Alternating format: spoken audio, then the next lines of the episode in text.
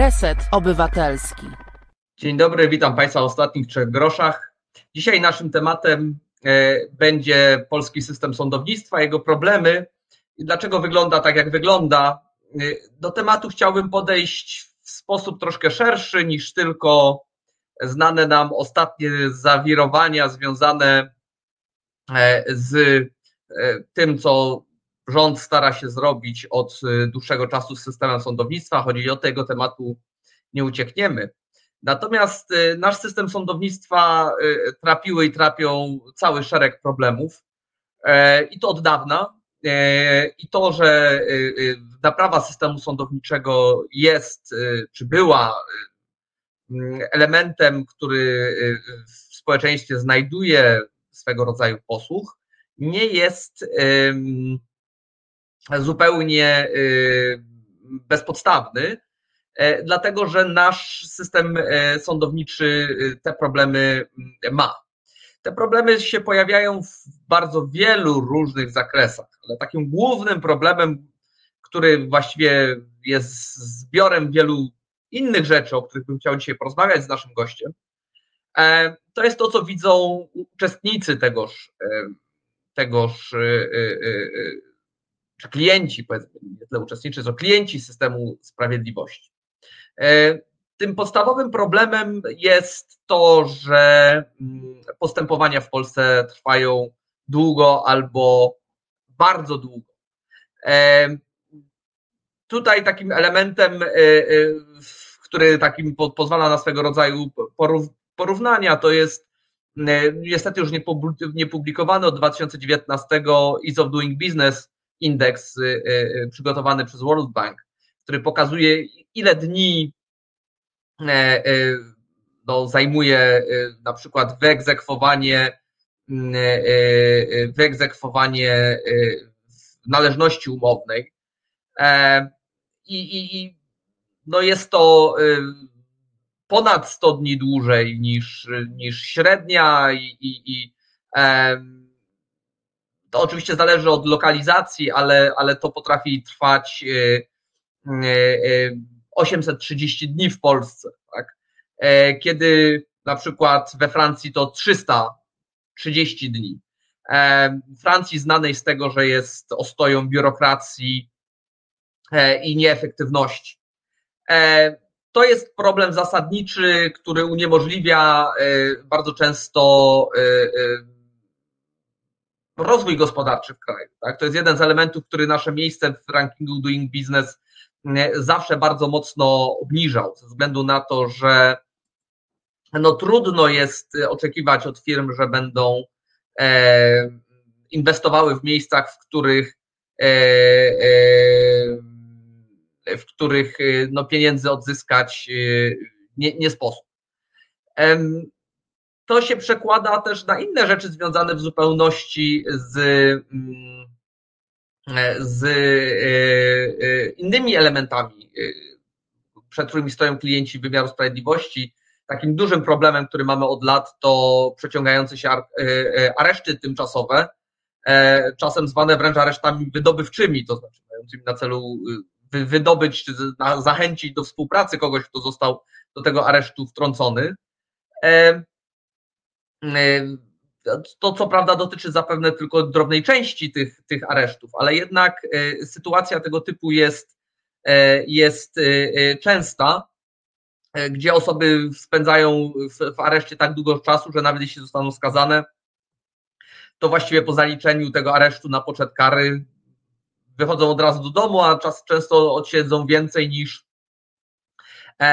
niż, niż to było zasądzone ta opinia o tym, tej przewlekłości e, naszych postępowań nie jest e, opinią e, tylko naszą, czy tylko krytyków naszego wymiaru sprawiedliwości. Cały szereg, cały szereg spraw wnoszonych do, do Trybunałów Europejskich no, został rozstrzygnięty na, na rzecz osób, które skarżyły się na przewlekłość postępowań, wskazujących, że de facto uniemożliwia to uzyskanie prawa do sądu. E, także ten, te, te, problemy, te problemy są jak najbardziej faktyczne. Nie da się też ukryć, że istnieją problemy związane przede wszystkim lokalnie z, ze swego rodzaju odpowiedzialnością sędziowską za to, co sędziowie czynią. Są to oczywiście przypadki jednostkowe zazwyczaj, ale bywały też przypadki, e, można powiedzieć, bardziej e, e, systemowe. Tak? To jest, są na przykład kwestie związane z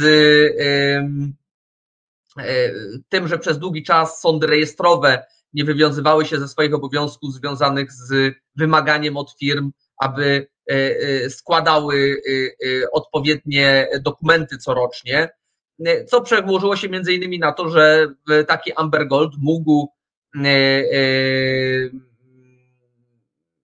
mógł e, długo operować nieniepokojony,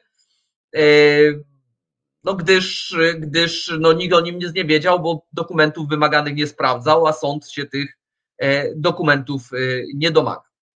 Oczywiście do tego dochodzą sprawy stricte korupcyjne, takie jak, y, znowu wracając do Amber Gold, to, że y, y, przekazanie karty rejestracji karnej Marcina Plichty trwało 4 lata.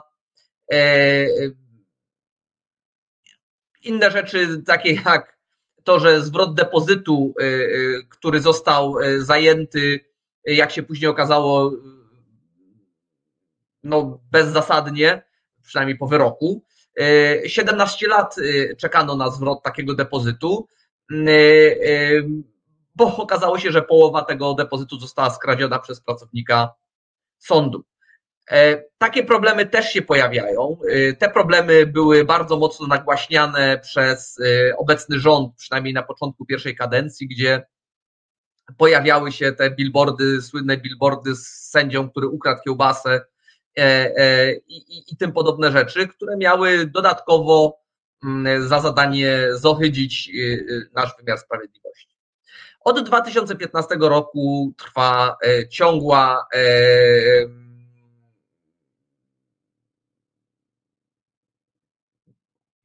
nie chcę nazwać, nie chcę użyć słowa reforma, ale ciągłe zmiany w wymiarze sprawiedliwości.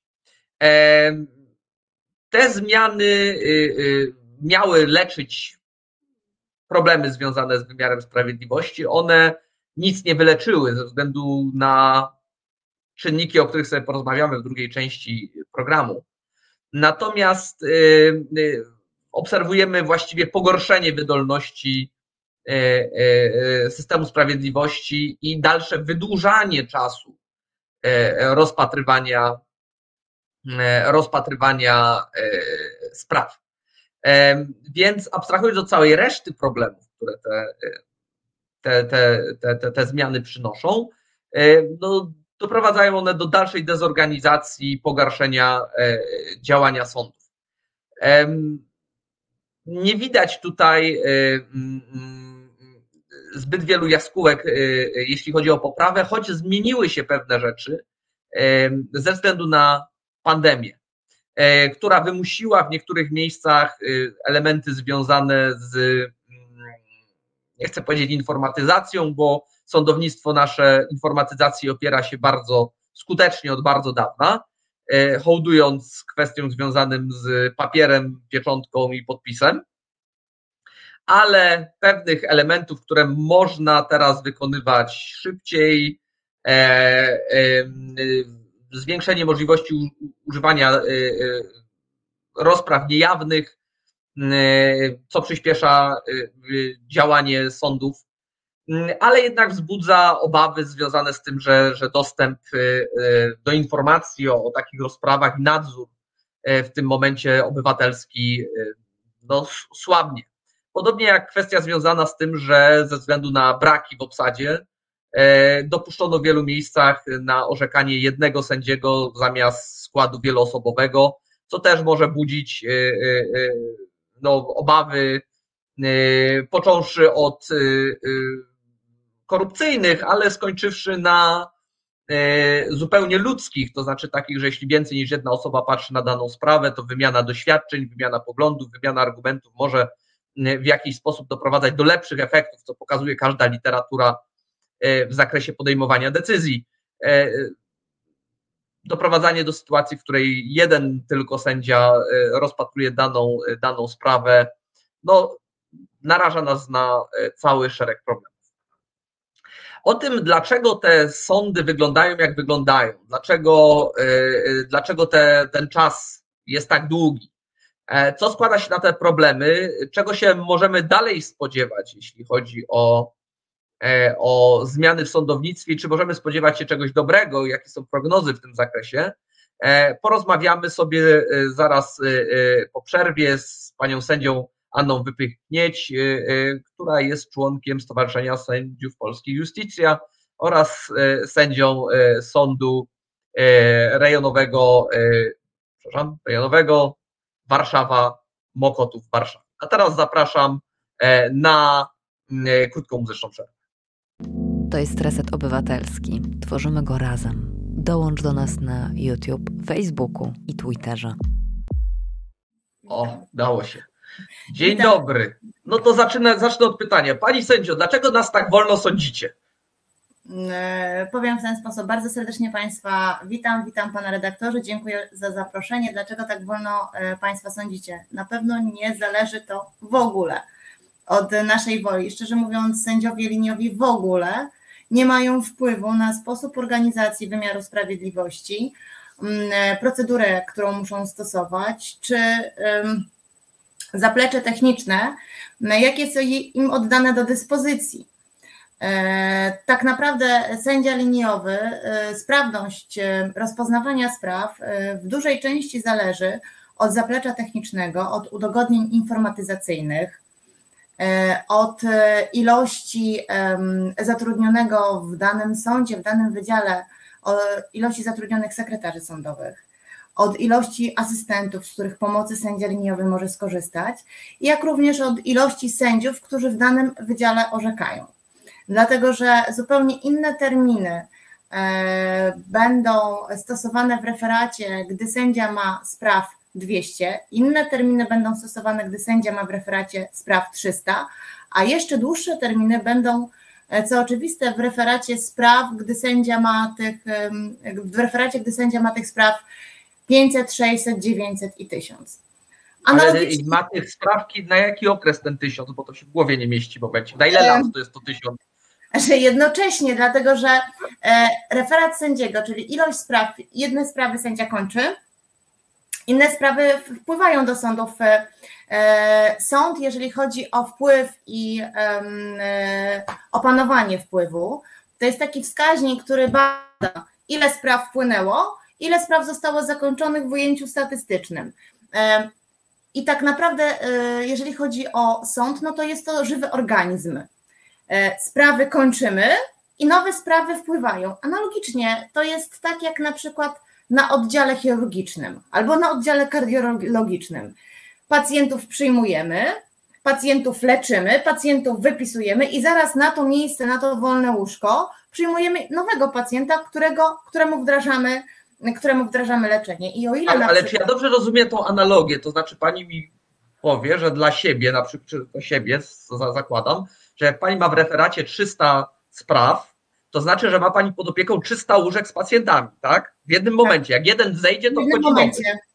Ale jak można mieć taką rozdzielczość w ogóle, żeby mieć jednocześnie 300 spraw? Przecież to jest w ogóle. Jak to działa? Znaczy, powiem w ten sposób, y, to są um, praca w takim referacie, orzekanie w takim referacie jest ciężkie właśnie z uwagi na przede wszystkim ilość tych spraw i tutaj bardzo istotne jest, czy w takim referacie jest możliwa pomoc asystencka i sekretarska na, na poziomie niezbędnym i adekwatnym do obciążenia sędziego referenta, czy też nie. Bo jeżeli na przykład mamy referaty, gdzie yy, pracuje w referacie jeden sekretarz sądowy i ten sekretarz sądowy, jeżeli obsługuje dany referat, no to ma tyle samo spraw do wykonania, co sędzia. Czyli jeżeli sędzia ma 300 spraw, to sekretarz ma pod opieką 300 spraw. Jeżeli sędzia ma w referacie 900 spraw, no to e, taki sekretarz ma w referacie pod opieką również 900 spraw, e, więc tak naprawdę obciążenie sędziego referenta jest proporcjonalne również do obciążenia sekretarza sądowego. I biorąc pod uwagę to, że wszystko w sądach opiera się na papierze, to takie zarządzenie sędziego, postanowienie sędziego musi być wykonane przez sekretarza sądowego. I znowu e, dochodzimy do tego samego wniosku. Sekretarz sądowy, który ma 300 spraw w referacie, będzie miał dużo mniej zarządzeń do wykonania i dużo szybsze będą miały terminy pomiędzy zarządzeniem sędziego a wykonaniem tego zarządzenia przez sekretarza sądowego, niż w referacie, gdy sekretarz sądowy ma spraw 900. Bo proszę pamiętać o tym, że o ile mówimy, że sędziowie mają nienormowany czas pracy, to sekretarze sądowi to są pracownicy, czyli obowiązuje ich 40-godzinny e, tydzień pracy, 8 godzin dziennie, więc z drugiej strony oczywiście są to jakieś, e, są możliwości rzecz jasna przyjęcia innych rozwiązań, które się stosuje w wymiarze sprawiedliwości, na przykład dodatkowych zleceń. No niemniej jednak musimy pamiętać o pewnych możliwościach również e, takich ludzkich. Jako maszyna no, mamy też swój czas przydatności e, do użycia w ciągu danego dnia. E, I teraz musimy z drugiej strony dbać o odpoczynek. Proszę mi wybaczyć to stwierdzenie, że o tym mówię. Natomiast, no bo w sytuacji, gdy tak naprawdę sędzia czy pracownik sądowy będzie zmęczony, ryzyko błędu jest znacznie większe. Analogicznie do tego, co wcześniej powiedziałam, czy chcielibyśmy, żeby nas operował kardiochirurg po 48-godzinnym dyżurze? Ja na pewno bym e, czegoś takiego nie chciała. Chciałabym, żeby mój operator był osobą wypoczętą i skupioną wyłącznie na, na moim problemie. Więc no, odnosząc oczywiście wymiar sprawiedliwości do tego, co się dzieje w służbie zdrowia, proszę zwrócić uwagę, w służbie zdrowia są kolejki, tylko ci pacjenci czekają w domu e, na swoje przyjęcie. Natomiast tak naprawdę w w sądownictwie no, zajmujemy się sprawą w momencie, kiedy ona wpływa do sądu, czyli w momencie, kiedy konkretna e, osoba poprosi o ochronę sądową i rozwiązaniu jej jakiegoś problemu. No dobrze, a y, tu kilka wątków, które bym chciał zahaczyć, tak? Pierwszy wątek, a właściwie dlaczego ten sąd się opiera na papierze w dzisiejszych czasach? Czy, czy, czyja to jest wina, czy to jest opór sędziów jako takich, którzy lubią mieć papier i bumagę. Ja nie mówię o pojedynczych sędziach, bo nie każdy jeden sędzia musi taki być, e, tylko generalnie środowisko sędziowskie jest takie, woli mieć, że tak powiem, na papierze, czy to e, jest kwestia tego, że ustawa nie pozwala, albo ministerstwo nie pozwala. Czemu to tam musi być, że tak powiem, jak 50 lat temu? No to e, tutaj wrócę może do podstaw. Sądy działają w, w oparciu o przepisy ustawy i w oparciu o rozporządzenia. E, rozporządzenia e, wydaje władza wykonawcza. Jeżeli chodzi o sądownictwo, to głównie minister sprawiedliwości. E, jeżeli chodzi o ustawy, no to mamy władzę ustawodawczą, czyli parlament jako Sejm i Senat. I w tym momencie, zgodnie z przepisami kodeksu postępowania cywilnego, ja, ja będę mówiła o tych sprawach cywilnych, albowiem orzekam w sprawach cywilnych, mamy kodeks postępowania cywilnego. Kodeks postępowania cywilnego nie przewiduje wnoszenia pism w postępowaniach sądowych w drodze elektronicznej. Więc tak naprawdę, e, jeżeli e, określona osoba chce poprosić o pomoc, o opiekę prawną, o rozwiązanie e, jakiejś sytuacji konfliktowej, musi złożyć pozew albo wniosek, w zależności od rodzaju spraw. E, wniosek podpisać, oczywiście to musi być e, w formie papierowej, wysłanej pocztą bądź złożonej na biurze podawczym. Jeżeli sędzia wydaje orzeczenie kończące postępowanie w sprawie, wyrok albo postanowienie, również ono musi mieć formę papierową.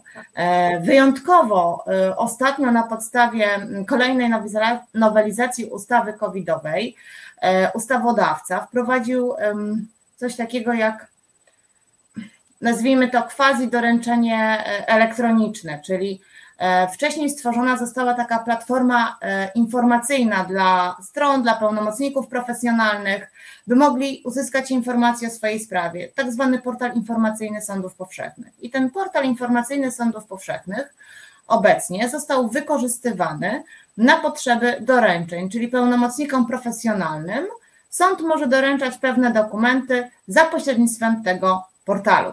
Ale to jest jedyne udogodnienie, albo z drugiej strony też pewnych przypadkach ograniczenie prawa do sądu w związku z quasi doręczeniami elektronicznymi, jakie mamy w polskim postępowaniu e, cywilnym. Nie możemy tego też, nie możemy tego też nazywać doręczeniem elektronicznym, dlatego że została uchwalona e, ustawa o doręczeniach elektronicznych, ale ma ona vacatio legis. Te doręczenia elektroniczne nie zostały u nas w żaden sposób jeszcze wprowadzone, więc nie możemy w pełni korzystać z tych dobrodziejstw, jak na przykład. A do kiedy to vacatio legis? Do 2022 roku, e, przepraszam, 27 roku. Siódmego? Tak, więc jeszcze chwilę czasu mamy.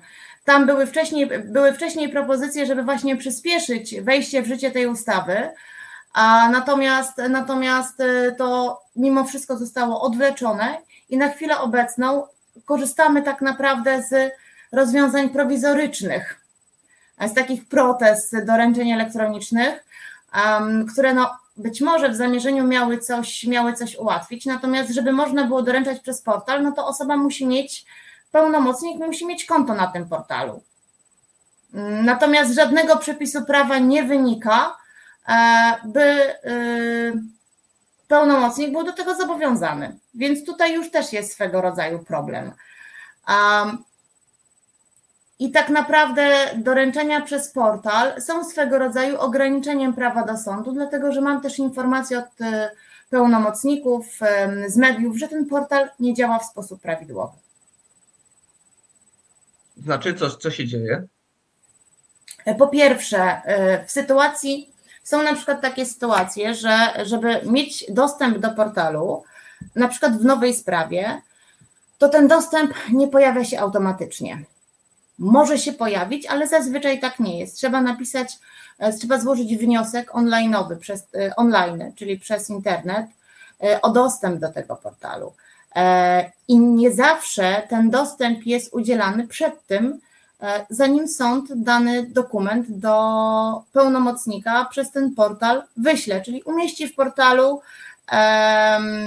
celem jego odczytania w sposób elektroniczny, online przez pełnomocnika. No i co w sytuacji, gdy taki pełnomocnik nie ma dostępu do tego portalu, a sąd mu takie dokumenty doręcza? Są takie przypadki, pojawiają się takie informacje. E, z drugiej strony czasami też zdarzały się przypadki, o ile wiem, teraz już to zostało w jakiś, to już zostało naprawione, żeby doręczać elektronicznie w portalu tak naprawdę jest założona taka specjalna zakładka, E, dotycząca doręczeń, żeby e, nie osłabiać tego waloru informacyjnego tego portalu. I w tej zakładce dla doręczeń powinno być po pierwsze pismo przewodnie, czyli pismo sądowe, które mówi, co doręczamy, dlaczego doręczamy i ewentualnie jaki mamy termin na wykonanie danego zobowiązania, i na przykład doręczamy określone pismo sądowe przez, przez portal. Jako tak jakby załącznik, czyli zamieniamy to, co szło E, co było doręczane do stron w papierze przez doręczenia elektroniczne. Nie zawsze e, w ten sposób te dokumenty są doręczane. Zdarza się, że jest umieszczane tylko na przykład gołe zarządzenie sędziego, co jest e, praktyką nieprawidłową. Czyli co? Jeśli chodzi o informatyzację, rozumiem, niewiele się zmieni do 2027, a do tego nas ogranicza KPC, Czyli tutaj robota dla legislatorów by była, tak, żeby coś tutaj poprawić. Powiem tak. W momencie, kiedy wybuchła pandemia, to, co mnie zafascynowało, to niesamowity rozwój IT w sektorze prywatnym. Firmy tak naprawdę przenosiły swoją działalność do rzeczywistości wirtualnej. Spotkania zawodowe, wykłady dla studentów, zostały przeniesione do rzeczywistości wirtualnej. My wszyscy przez ten czas już oswoiliśmy się nieco z tą, tak naprawdę z tymi kontaktami wirtualnymi. Z drugiej strony one tak, na, one tak naprawdę umożliwiają nam szybki kontakt na odległość w sytuacji, gdy jesteśmy y, w dość dużej odległości od danego miejsca zdarzenia. Natomiast jeżeli chodzi o, e, o sądy, to y, zamiast wykorzystać ten czas pandemiczny, E, czas zwiększonych potrzeb, by efektywniej odpowiedzieć, elastycznie odpowiedzieć na potrzeby interesariuszy wymiaru sprawiedliwości, czyli tak naprawdę obywateli, to w wymiarze sprawiedliwości kompletnie nic się nie zmieniło. Zresztą e, mam wrażenie, że te wszystkie zmiany, które, które zostawały wprowadzane, to zosta e, były wprowadzane w sposób dość taki błyskawiczny, bez odpowiedniego przemyślenia, bez odpowiedniego zbadania, przede wszystkim potrzeb i możliwości logistycznych, wprowadzając swego rodzaju chaos tak naprawdę, bo z jednej strony sądy są e, sądami papierowymi, z drugiej strony nic nie stoi na przeszkodzie, by te sądy papierowe zmienić w sądy elektroniczne. Nie ma przeszkód, e, zresztą to jest postulowane przez sędziów od lat, by wprowadzić digitalizację, informatyzację sądownictwa, by akta były w formie elektronicznej. To naprawdę od strony technicznej nie wymaga szczególnej, szczególnych działań, przyjęcia rozwiązań technicznych, bo te rozwiązania techniczne, informatyczne już istnieją. Wystarczy tylko podjąć decyzję o skorzystaniu z tych już wypracowanych, przyjętych e, rozwiązań technicznych, na przykład akta sądowe. Obecnie na skutek pandemii, na przykład w sądach doszło do swego rodzaju ograniczenia pełnomocnikom profesjonalnym, czy w ogóle stronom dostępu do akt. Mamy czytelnie akt, jest to jedno pomieszczenie. E, no i z uwagi na e, obostrzenia e, i ograniczenia, jeżeli chodzi o kontakt, w tej, do, do czytelni akt zamawia się akta na określoną godzinę, rezerwuje się określony czas, natomiast obszerność akt jest różna. Niektóre akta mają jeden tom, inne akta mają tych tomów 15. W związku z powyższym i czas na zapoznanie się z tymi aktami będzie zupełnie inny. Z drugiej strony, w sytuacji, gdyby akta były elektroniczne, taki pełnomocnik za pomocą dostępu do sprawy mógłby zapoznać się z, tym, z tymi aktami przez internet ze swojego miejsca pobytu. Kolejna sprawa. Akta, które są w papierze, muszą być przechowywane. Więc y, wymiar sprawiedliwości ponosi koszty archiwów, gdzie te akta są przechowywane. E, jeżeli chodzi na przykład o akta spraw 2015-2020, które zostały e, e, skierowane do archiwum, to tak naprawdę same akta by zajęły ponad 2000 kilometrów, czyli to jest droga z Poznania do Madrytu, gdyby ustawić akta jedno koło drugiego. No koszty wynajmowania pomieszczeń, e, w których te akta są przechowywane, akta są przechowywane od 10 do 50 lat w zależności od kategorii spraw, jest ogromny. I po tym okresie czasu przechowywania, na przykład akta są niszczone, czyli są tak zwane, to jest taki fajny termin sądowy brakowania akt, czyli idą na przemiał. E, I na przykład co się dzieje, gdy akta są zniszczone, a my w 12 roku potrzebujemy e, zapoznać się z tymi aktami, bo są niezbędne do innego postępowania. Jest to niemożliwe. A w sytuacji, gdyby były zdigitalizowane, już tego ograniczenia by nie było, bo jeżeli chodzi na przykład o archiwa państwowe, o akta osobowe, bardzo często jest tak, że sądy korzystają z akt osobowych i proszą o te dokumenty archiwum państwowe. Wtedy archiwum państwowe nie przysyła przecież tych akt w papierze, bo one są zdigitalizowane i dostajemy płytę. Z niezrozumiałych przyczyn e, sądownictwo z tych udogodnień informatycznych, digitalizacyjnych nie korzysta. No, oczywiście. No to gdzie jest, gdzie jest ten hamulcowy?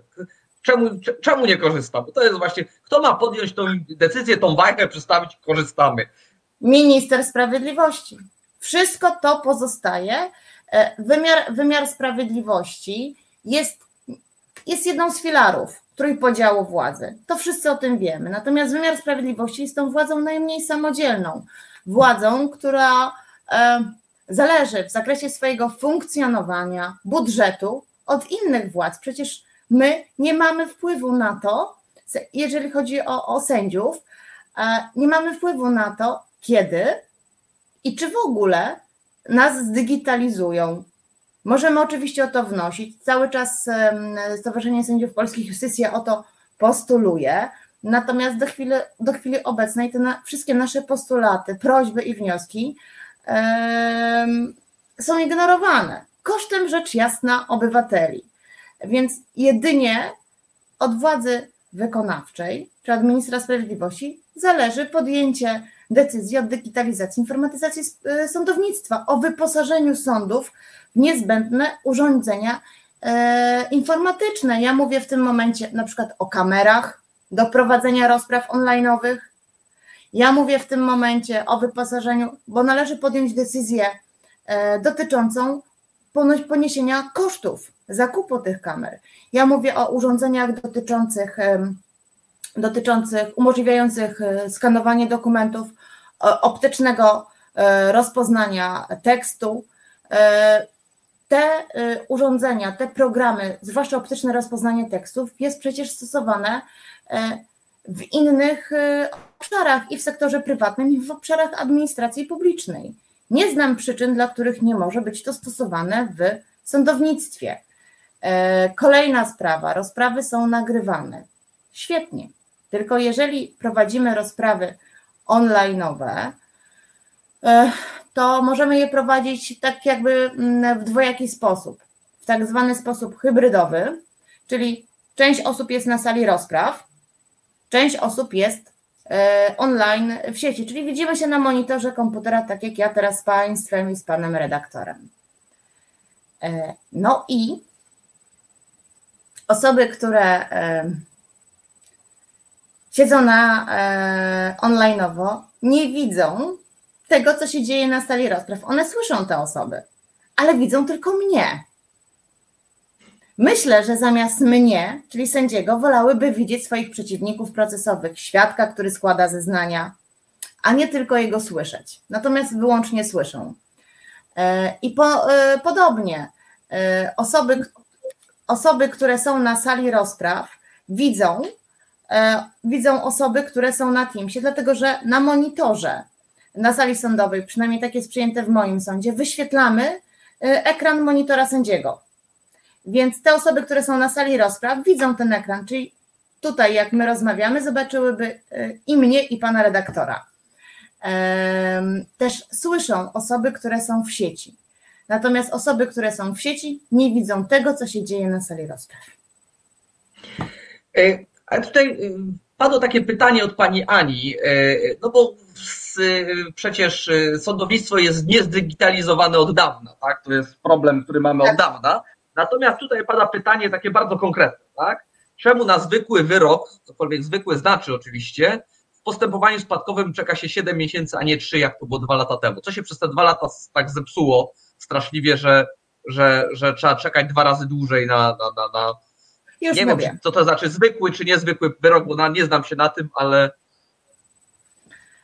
powiem w ten sposób, jeżeli chodzi, jeżeli chodzi o sprawy spadkowe, sprawy spadkowe są rejestrowane w sądach w tak zwanym repertorium NS, natomiast wydziała, rozpoznają te sprawy wydziały cywilne, czyli taki sędzia, cywilista w wydziale cywilnym ma w swoim referacie e, sprawy e, z kategorii C i sprawy z kategorii NS. I to razem w tym referacie tworzy ten referat na przykład 800-900 900 spraw.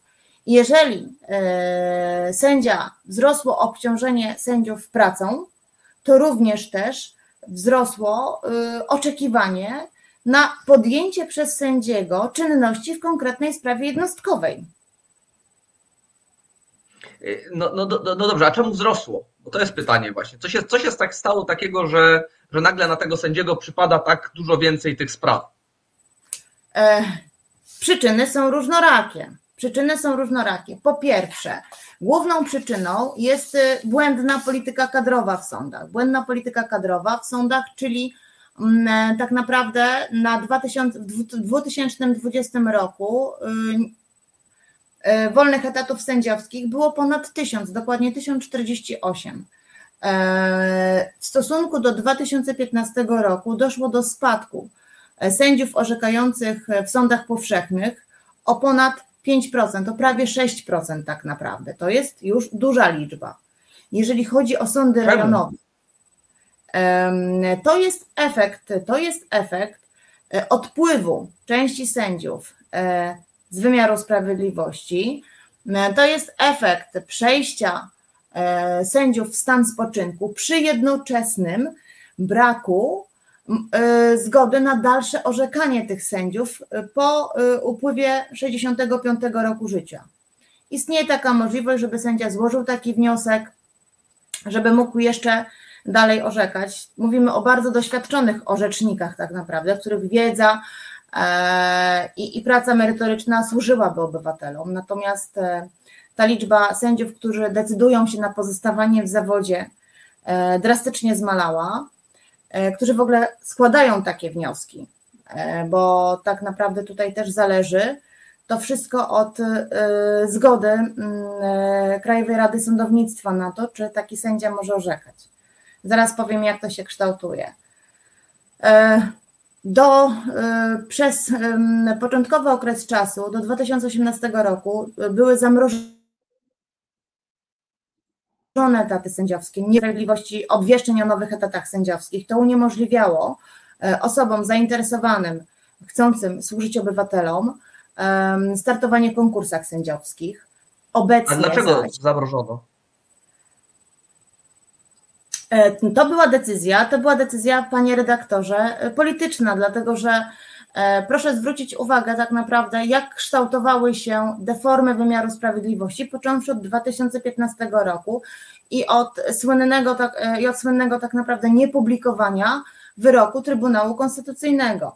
Następnie mieliśmy cykl ustaw dotyczących ustroju E, sądów powszechnych, dotyczących Sądu Najwyższego i dotyczących Krajowej Rady Sądownictwa, bo doszło do tego, że władza wykonawcza um, podjęła starania i działania mające na celu podporządkowanie sobie wymiaru sprawiedliwości. Natomiast wymiar sprawiedliwości nie jest polityką. Wymiar sprawiedliwości jest wyłącznie dla obywateli i obywateli. Wymiar sprawiedliwości, żeby mógł pełnić swoje funkcje, musi być niezależny, a sędziowie muszą być niezawiśli. Skoro zatem wymiar sprawiedliwości, skoro zatem e, były, mm, były chęci do e, podporządkowania wymiaru sprawiedliwości, były projekty poszczególnych ustaw, w tym ustawie o Krajowej Radzie Sądownictwa, której e, członków tak zwanych sędziowskich E, wybierają obecnie politycy. Zresztą to jest tak naprawdę zakwestionowane przez europejskie sądy. Mówię o Europejskim Trybunale Praw Człowieka i o Trybunale Sprawiedliwości Unii Europejskiej. To zostało już przesądzone i ocenione właściwie przez te sądy. No to tak naprawdę nie rozpisywano konkursów sędziowskich, bo chodziło o to, żeby te wakaty sędziowskie zostały obsadzone przez odpowiednie osoby, wybrane przez nową Krajową Radę Sądownictwa. Ta nowa Krajowa Rada Sądownictwa ukonstytuowała się, znaczy trudno powiedzieć o ukonstytuowaniu się organu nielegalnego, ale zaczęła pracę e, w 2018 roku i zaczęła powoływać sędziów na wolne stanowiska sędziowskie. Dużo sędziów, w związku z tym, że yy, zgodność z konstytucją i legalność Rady, Krajowej Rady Sądownictwa została zakwestionowana, dużo sędziów nie zdecydowało się na startowanie na wolne stanowiska sędziowskie. Więc mamy tutaj odpływ czy zmniejszenie ogólnej liczby sędziów. Do tego mamy kolejny czynnik, a mianowicie wadliwą politykę kadrową, jeżeli chodzi o etaty urzędnicze, jeżeli chodzi o asystentów sędziego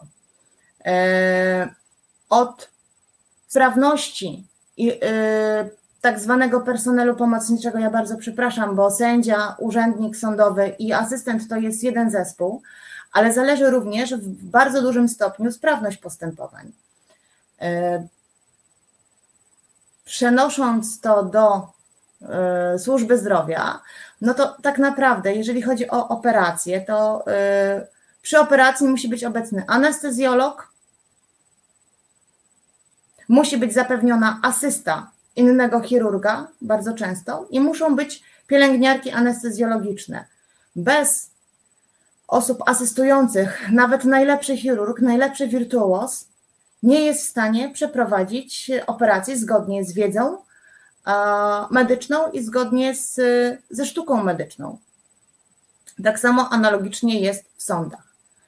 E, I brak tej digitalizacji, y, nadmierne obciążenie sędziów, zwiększenie liczby spraw w poszczególnych referatach sędziów skutkuje wydłużeniem terminu na rozpoznanie sprawy. Jeżeli chodzi o sprawy, na przykład sprawy nieprocesowe, no to można, można wskazać, że czas trwania postępowań nieprocesowych w repertorium NS E, jeżeli chodzi o 2015-2020, wzrosło o 91%. E, w 2015 roku czas oczekiwania na zakończenie sprawy w repertorium NS trwał 5,5 e, miesiąca, a w 2020 roku ponad 10.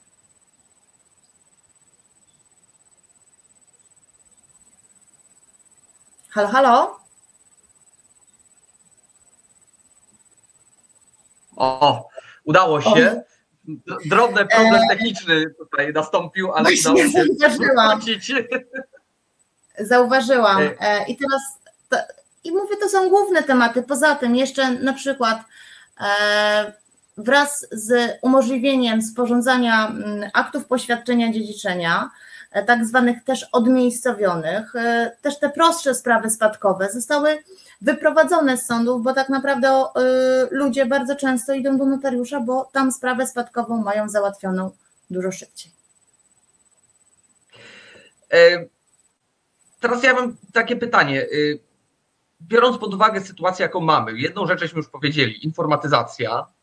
E, mhm. Jakie są, jakie, gdyby pani, że tak powiem, została ministrem sprawiedliwości, zakładam, e, czego pewnie nie życzę, ale ale zakładając taką sytuację, jakie by były pierwsze trzy kroki, żeby y, y, sytuację organizacyjną, ja teraz nie mówię o organizacji ustrojowej, żeby sytuację organizacyjną w sądach uzdrowić?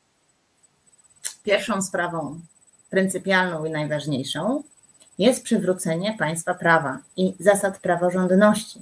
W związku z powyższym najważniejszą rzeczą, którą należy zrobić w wymiarze sprawiedliwości. To odwrócenie tych wszystkich deform, dewastacji wymiaru sprawiedliwości, jaka miała miejsce w latach 2015-2020. Przede wszystkim zmiana powinna, e, e, zmiana musi dotyczyć Sądu Najwyższego, zmiana musi dotyczyć Krajowej Rady Sądownictwa i zmiana musi do, dotyczyć również e, kwestii ustrojowo-organizacyjnych sądów powszechnych, e, bo e, chciałabym zwrócić uwagę na e, pewne kwestie. Otóż tak naprawdę nielegalna Krajowa Rada Sądownictwa, tak zwana NeoKRS, bierze udział w powołaniu nie tylko sędziów sądów powszechnych, ale również Sądu Najwyższego. Jeżeli chodzi o sędziów Sądu Najwyższego, to na wadliwość powołania sędziów Sądu Powszechnego również wielokrotnie zwracały uwagę sądy europejskie. Europejski Trybunał Praw Człowieka i Trybunał Sprawiedliwości Unii Europejskiej. Przypomnę również, że jeżeli chodzi o kwestie dotyczące Izby Dyscyplinarnej, to w związku z jej um, działaniem um, zostało wydane przez CUE postanowienie zabezpieczające, którego Polska nie wykonała, i jeden dzień działania tego nielegalnego organu kosztuje obywateli 1 milion euro. Więc w pierwszej kolejności należy przywrócić zasady praworządności, powołać nową KRS, e, odwrócić i naprawić wadliwe e, nominacje sędziowskie, jeżeli chodzi o sądy powszechne, i naprawić dewastację Sądu Najwyższego. Po tym możemy myśleć również o informatyzacji i digitalizacji wymiaru sprawiedliwości. Przede wszystkim zmiany w procedurze, umożliwienie obywatelom wnoszenie pism e, sądowych drogą elektroniczną. Mamy dobro, nie, brak przeszkód jest ku temu, by obywatele korzystali z podpisu elektronicznego czy z profilu zaufanego. Analogicznie jak na przykład w ZUS-ie, e, w administracji samorządowej czy w administracji publicznej jako obywatel nieraz korzystałam z tych serwisów. Ja naprawdę nie pamiętam, kiedy byłam osobiście w urzędzie. Wszystko jest możliwe do złożenia przez internet. Każdy wniosek jest możliwy do złożenia przez internet. E, tak samo przedsiębiorcy korzystają albo są zmuszeni do korzystania z wielu udogodnień przez, przez internet, więc nie za bardzo rozumiem, dlaczego e, istnieje możliwość, w zasadzie istnieje konieczność składania różnego rodzaju formularzy i wniosków przez internet, na przykład jeżeli chodzi o Krajowy Rejestr Sądowy, e, istnieje obowiązek i konieczność stosowania jednolitego pliku kontrolnego. Ja rozumiem, że to jest kwestia podatkowa dotycząca kontroli e, zobowiązań e, publiczno-prawnych przedsiębiorców, ale ten sam przedsiębiorca już nie może korzystać z dobrodziejstw możliwości wnoszenia pism drogą elektroniczną w postępowaniach gospodarczych, tylko musi to zrobić w papierze. Kiedy z punktu widzenia tak naprawdę tego przedsiębiorcy byłoby to dla ze wszechmiar korzystne. Tylko widzę, że jeżeli państwo tak naprawdę, e, państwo chętnie wprowadza udogodnienia informatyczne, jeżeli chodzi to o funkcję kontrolną, fiskalną w stosunku do tego obywatela, natomiast zupełnie inaczej patrzy na tego obywatela jak na interesariusza wymiaru sprawiedliwości, kiedy jest zobowiązana zapewnić temu obywatelowi sprawnie działający wymiar sprawiedliwości. No tak, jesteśmy w takim rzeczywiście jakiejś schizofrenii, jeśli chodzi o, o, o, o, o, o, o polskie życie, nazwijmy to urzędniczo papierologiczne. I rzeczywiście w niektórych miejscach postępy nastąpiły bardzo gwałtownie, bardzo szybko i bardzo daleko, a w innych jesteśmy rzeczywiście jeszcze w latach 70. i 80. Ja bardzo dziękuję za naszą dzisiejszą rozmowę. Myślę, że E, e, e, naszym słuchaczom udało się wyjaśnić dużo lepiej, dlaczego jest jak jest i co trzeba zrobić, żeby było lepiej. Bardzo dziękuję. Dziękuję również. Ja serdecznie Państwa zapraszam jeszcze na stronę Stowarzyszenia Sędziów Polskich Justycja www.justycja.pl, gdzie są przygotowane przez Stowarzyszenie ustawy naprawcze, które pozwolą przywrócić zasady państwa demokratycznego w wymiarze sprawiedliwości. Serdecznie zapraszam do zapoznania się z naszymi propozycjami. I dziękuję za e, uwagę. Bardzo dziękujemy. Ja dla Państwa na koniec jeszcze kilka słów chciałbym. E, e, to były, to były nasze ostatnie trzy grosze dzisiaj. Ja chciałem Państwu bardzo podziękować za uczestnictwo w tym moim przydługim eksperymencie i, i próbie zgłębienia kilku zakamarków tego, jak działa nasza, nasze państwo i nasza gospodarka. E, mam nadzieję, że, e, że ten eksperyment przypadł Państwu do gustu.